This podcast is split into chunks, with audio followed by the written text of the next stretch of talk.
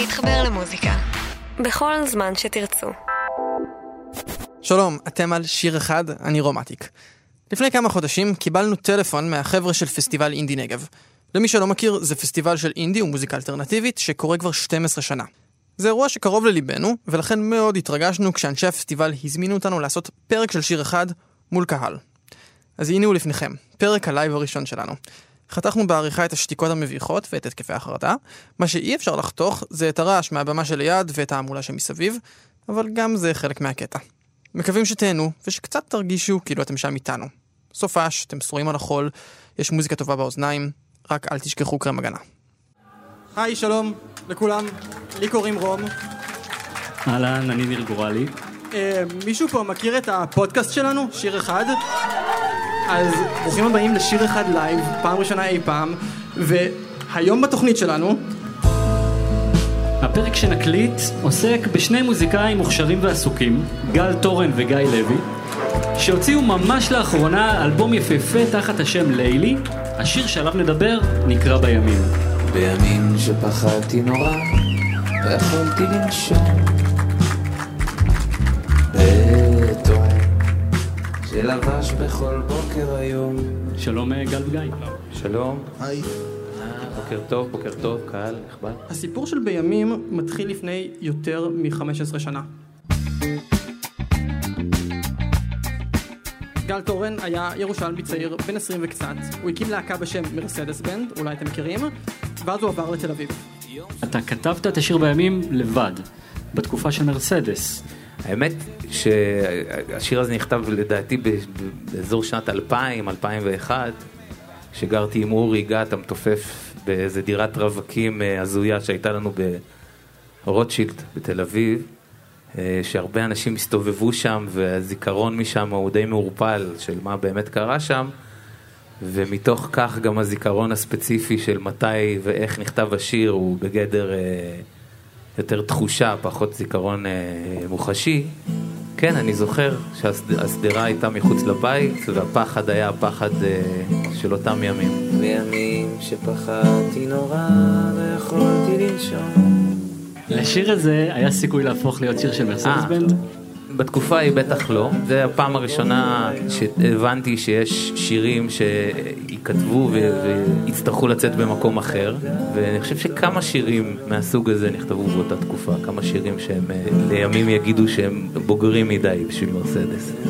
בשדרה, בימים שפחדתי נורא. עכשיו אנחנו כבר בשנת 2003. אתה מקים אולפן יחד עם דודו שלמס מהדג נחש, ומזמין אליו חבר ילדות, גיא. גיא באותה תקופה חזר מאמסטרדם, והתעסקת בעיקר בג'אז ובמוזיקה קלאסית. אה, כן. וואי, זה קשה לי כשיש את המוזיקה הזאתי, כי גם הפתרת אותי עם השיר הזה, זה שיר שאף פעם לא הושמע. כי זה ג'אז ואין מה לעשות עם ג'אז יותר מדי. אבל uh, לענייננו. חזרתי לארץ, הייתי בקטע של uh, לנגן מוזיקה קלאסית, עשיתי אודישן כושל לפילהרמונית, אז לקחתי עוד שיעורים פרטיים בקונטרבאס ונכנסתי לסימפונית רשות השידור, תזמורת uh, כזאת כמו פעם.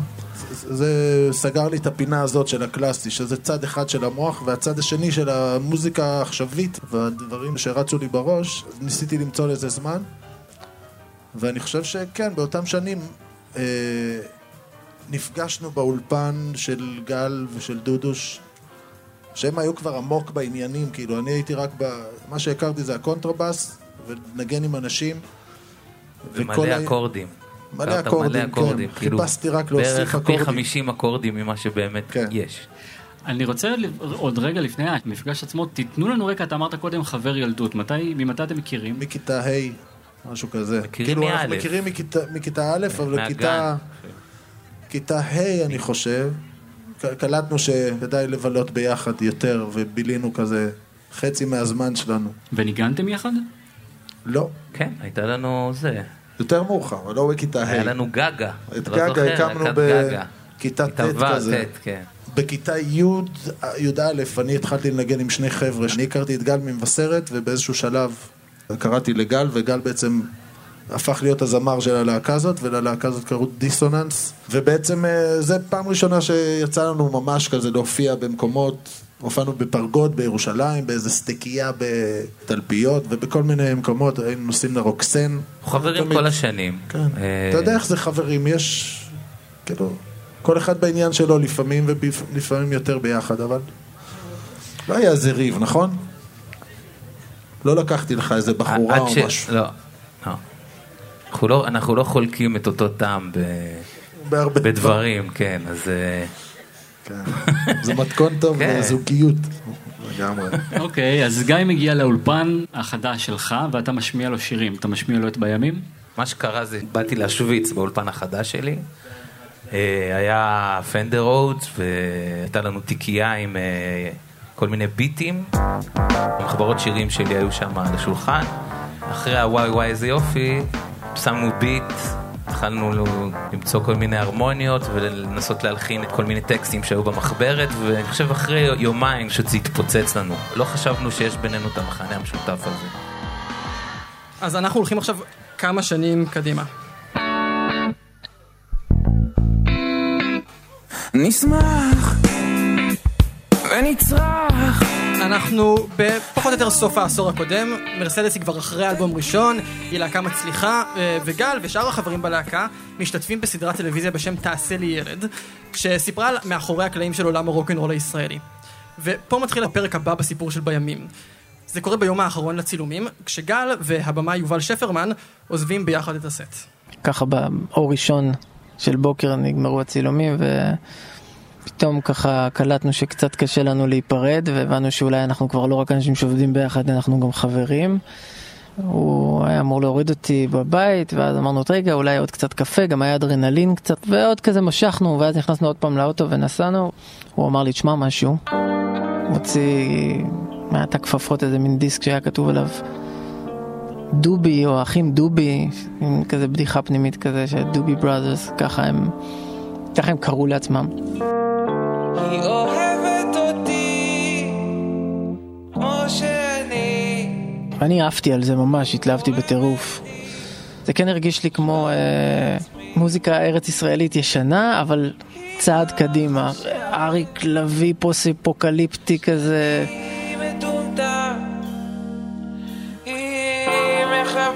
יובל נכנס לסוג של אובססיה עם הפרויקט הזה. כאילו אמרתי לו, מה, מה, מה, אתה לא נורמלי, מה זה, מה זאת אומרת, תוציאו את זה. השתעשעתי עם זה, שאו בואו ננסה עם זה משהו, היה לנו איזה רע- רעיון לעשות פעם איזה סרט מזה, מחזמר, מערבוני כזה. אבל זה לא קרה. כל אחד היה עסוק בענייניו, גל היה עם המוזיקה והמשחק, הוא גם היה מעצב פסקול בקשת, גיא עבר לברלין. וב-2010, כשהוא חזר לארץ, כמעט עשר שנים אחרי שהם התחילו לעבוד ביחד על השירים, הם החליטו לנסות פעם נוספת. בימים שפחדתי נורא, לא יכולתי לנשום. בתום שלבש בכל בוקר היום. נערה מתוקה צעדה לי מתוך החלום. אה, גל, בתחילת העשור? אתה בתקופה מצליחה, תביאו בירות של מרסדס, תעשה לי ילד, אה, עובד בטלוויזיה, ובתוך כל הבלגן הזה אתה מחליט להחיות את, את הפרויקט עם גיא. גיא חזר פשוט, יום אחד הוא הופיע, נחוש מתמיד להוציא את זה, להיכנס לחזרות ולהביא הרכב. אנחנו עבדנו המון בסיבוב הראשון. וזה שלב שהבנו שנעלמו כל הפיילים של כל מה שהפקנו. האולפן המשוכלל שלי לא כלל אנשים שיודעים לגבות חומר, ופשוט מצאנו את עצמנו במצב שצריך להפיק את הכל מחדש, ובנוסף לזה גם להוסיף עוד שירים, כי זה לא הספיק. למה לא גיביתם? למה? אה? למה לא גיביתם? לא גיבינו, קצת טוב. ונכנסנו לחזרות, הוספנו שירים, הוספנו את אה, בימים לפול, ו... ובעצם נפגשנו אצל גל, אני זוכר, בגינה שלו, ומה שקרה שגל השמיע לי את ההקלטה של השיר שהייתה לו, הוא עשה סקיצה באולפן המשוכלל שלו. אז גל השמיע לי את הסקיצה הזאת, ואני ניסיתי פשוט להוסיף כמה אקורדים שרק יכלתי להוסיף לשם.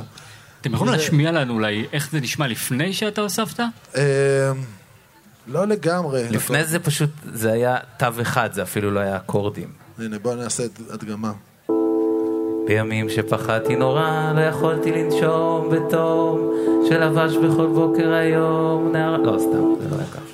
איך השיר נשמע אחרי שגיא נכנס? לתמונה? כאילו, אם יש אקורד אחד, אז עשיתי... שזה, אהבתי תן. שיש תנועות של בס ביחד עם ההרמוניה, שזה נותן עוד איזה... זה, חיפשתי כאילו לעשות את זה יותר מורכב. הרבה יותר מורכב ממה שחייבים אולי, אבל זה מה שקרה. עשינו הרבה אה, חזרות, ואחרי זה נכנסנו להקלטות, נכון? אני בערך בטיימליין, נכון? והקלטנו את הדבר הזה, וכבר הגענו לאיזשהו מצב שהתחלנו להתקדם לכיוון מיקסים, ואני קיבלתי רגליים קרות. אני הייתי מאוהב בטירוף בדבר ההוא שעשינו, שהיה בלי להקה, ולא נשמע טוב, ולא מופק טוב, ולא... אבל זה היה בשבילי המהות של העניין, של שנינו עושים משהו, וזה ש... שהדבר הזה נעלם ואנחנו עושים את הכל עכשיו בצורה מקצועית, זה משהו שהוא גרם לי ל... על גבול ה...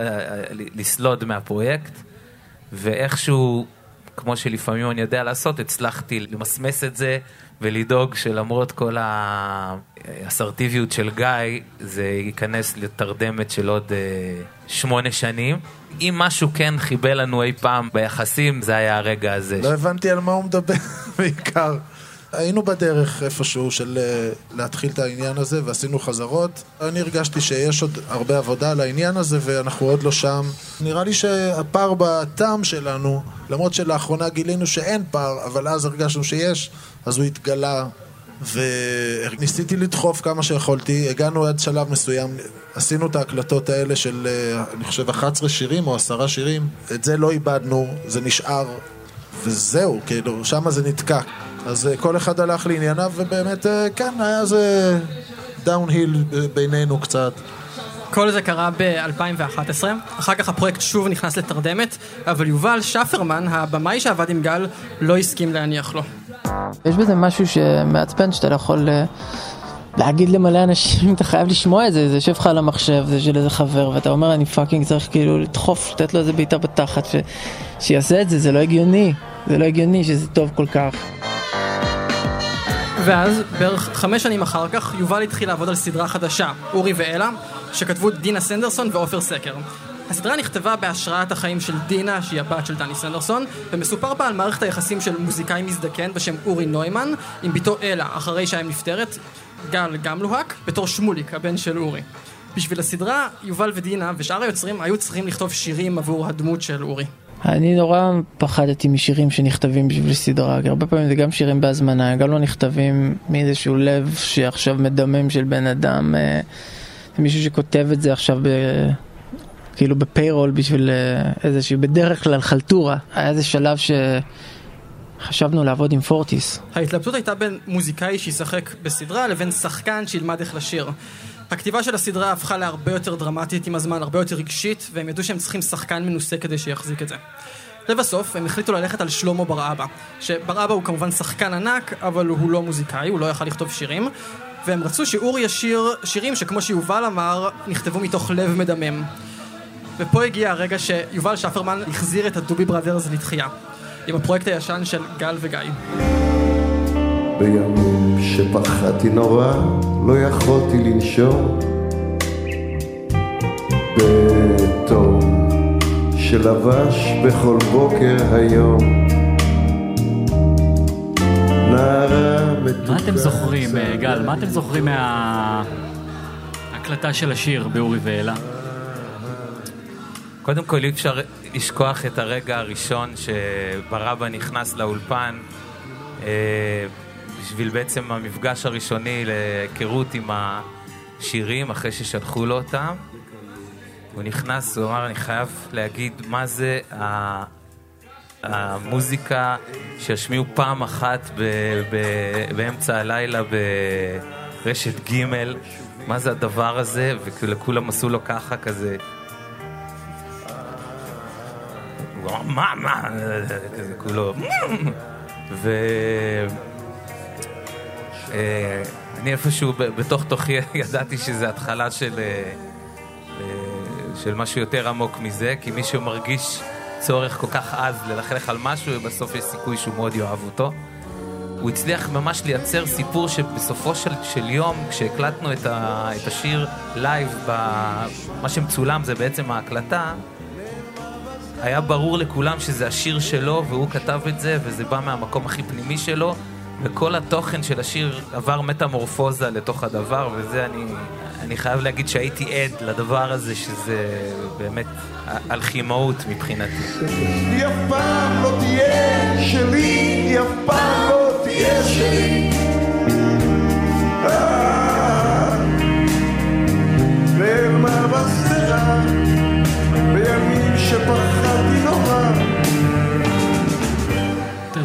אתה הצלחת להכניס את שלמה לשיר שאתה כתבת? לגרום לזה להישמע כאילו זה שלו? לחשת לו משהו, לא? היה איזה לחישה שם, כמו שיובל. כן, היה, לפני היה איזה. משהו, משהו מאוד אינטימי קרה ב, בשלבים של גם היה צריך ללמד אותו, זה שירים שקשה לשיר אותם מבחינה מוזיקלית וווקאלית. ו... והיה כל הזמן דיון לגבי מאיפה השיר הזה בתוכו הגיע ובכלל. וכמה דברים שנאמרו בחדרי חזרות, ברגעים נורא אינטימיים שלו, שלי ושל גיא ושלו ושלי, מצאנו איזה נקודת חיבור שהיא הייתה איזה שם קוד של משהו שהוא עבר, שזה אישי שלו. נוצר שם איזה, איזה כפתור שברגע שהייתי מזכיר לו את זה, אז הכל היה מתפרץ, ובעצם היה שם כמה טייקים שצילמנו את ה... וחיכינו לרגע הנכון בשביל ללחוץ לו על הכפתור, וזה מדהים אצל שלמה, אתה לוחץ לו על הכפתור וזה פשוט מתפוצץ. אבל לא תספר לנו מה הכפתור. אה, לא. בימים שפחדתי נורא.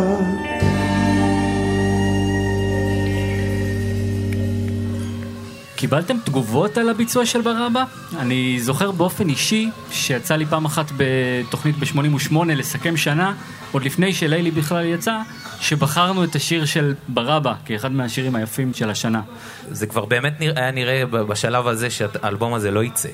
אפילו אחרי שעשינו את הסדרה, אני בראש שלי עוד, זה ש- שהתחיל הדיבור, וכשהיה דיבור שאנחנו נממן את הסוף של האלבום מזה שגיא ואני עשינו את הפסקול של הסדרה בנוסף לשירים, עדיין אני הייתי קטן אמונה.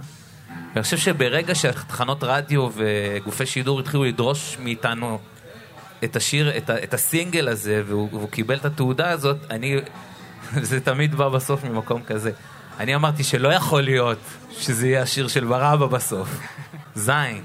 אה, ואני חושב... סתם, סתם. אני חושב שזה שהשיר הזה יצא ושהוא קיבל הד כזה והתחלנו להבין ש, שאנשים דיגזיט זה משהו שקידם מאוד את היציאה של הפרויקט. אז לקח בעצם ללילי ולשיר משהו כמו 15 שנה לתפוס צורה. כן. למדתם משהו מהתהליך הזה? שנינו למדנו, אני חושב, לתת הרבה יותר מקום אחד לשני ולקבל את השוני, כאילו. כשעובדים ביחד, זוג או שלישייה, אז האחוזים של ההחלטות שקשורות אה, אליך קטנים, מה לעשות, ככה זה. אתה אחראי על חצי מההחלטות. ודבר שני שלמדתי, שלפעמים דברים מחכים לטיימינג הנכון שלהם, והם יצאו. תמיד בתור אה, בן אדם שמתפרנס והלחם הנשמה שלו הוא אומנות ומוזיקה ו... אז תמיד יש את הפחד הזה של אה, תכף, תכף כל זה ייגמר. אני חושב שמה שלמדתי דרך האלבום הזה, דרך היציאה של האלבום הזה, ש... שהחיים זה מרתון. ובמרתון הזה צריך לשמור כל הזמן כוחות וכל הזמן משאבים ואנרגיות בשביל שאני אוכל למצוא את עצמי על במה גם בגיל 70 ובגיל 80 וכמו שאומרים עכשיו, כמו שזה נראה, אז גם בגיל 140 ו-150 שנוכל להישאר אה, רלוונטי ויהיה מה לעשות.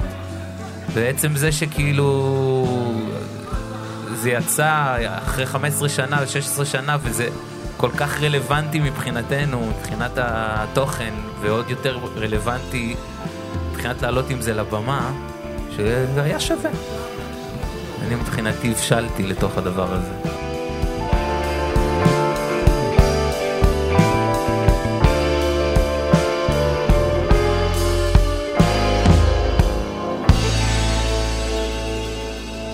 אתם צפיתם בהקלטה חיה של פרק של שיר אחד, תודה שבאתם. אפשר למצוא אותנו עכשיו בספוטיפיי גם, תחפשו שיר אחד, אנחנו בכל אפליקציות הפודקאסטים, גם באתר של כאן. רק לפני שהם מסיימים כמה תודות. אייל שינדלר הוא המפיק של שיר אחד, תודה לחן ליטבק הפיקה את המופע, תודה גם לצוות שלנו מאיה קוסובר ותומר מולביטזון, תודה לאסף, יובל וכל אנשי אינדי נגב שהזמינו אותנו לפה היום, ותודה לכם, אה, בימים. תודה.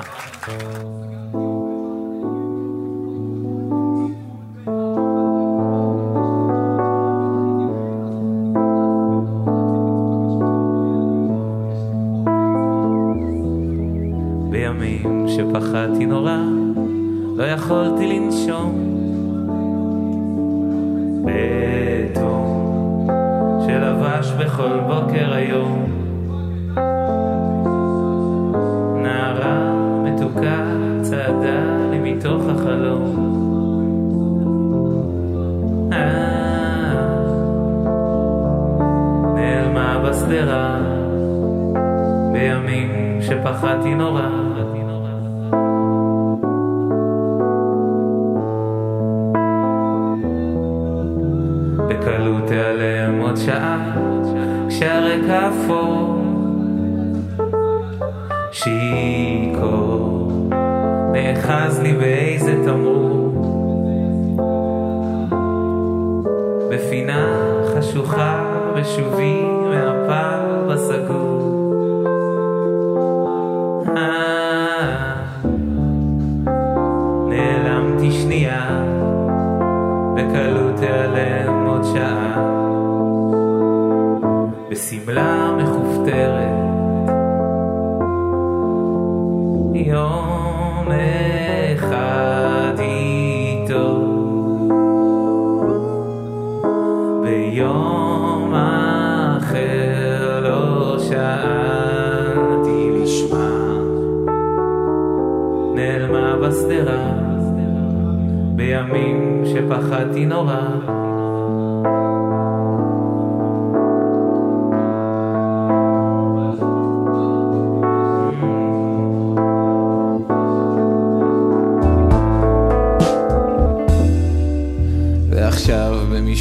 ועכשיו במשמרת שנייה מנסים לא לזכור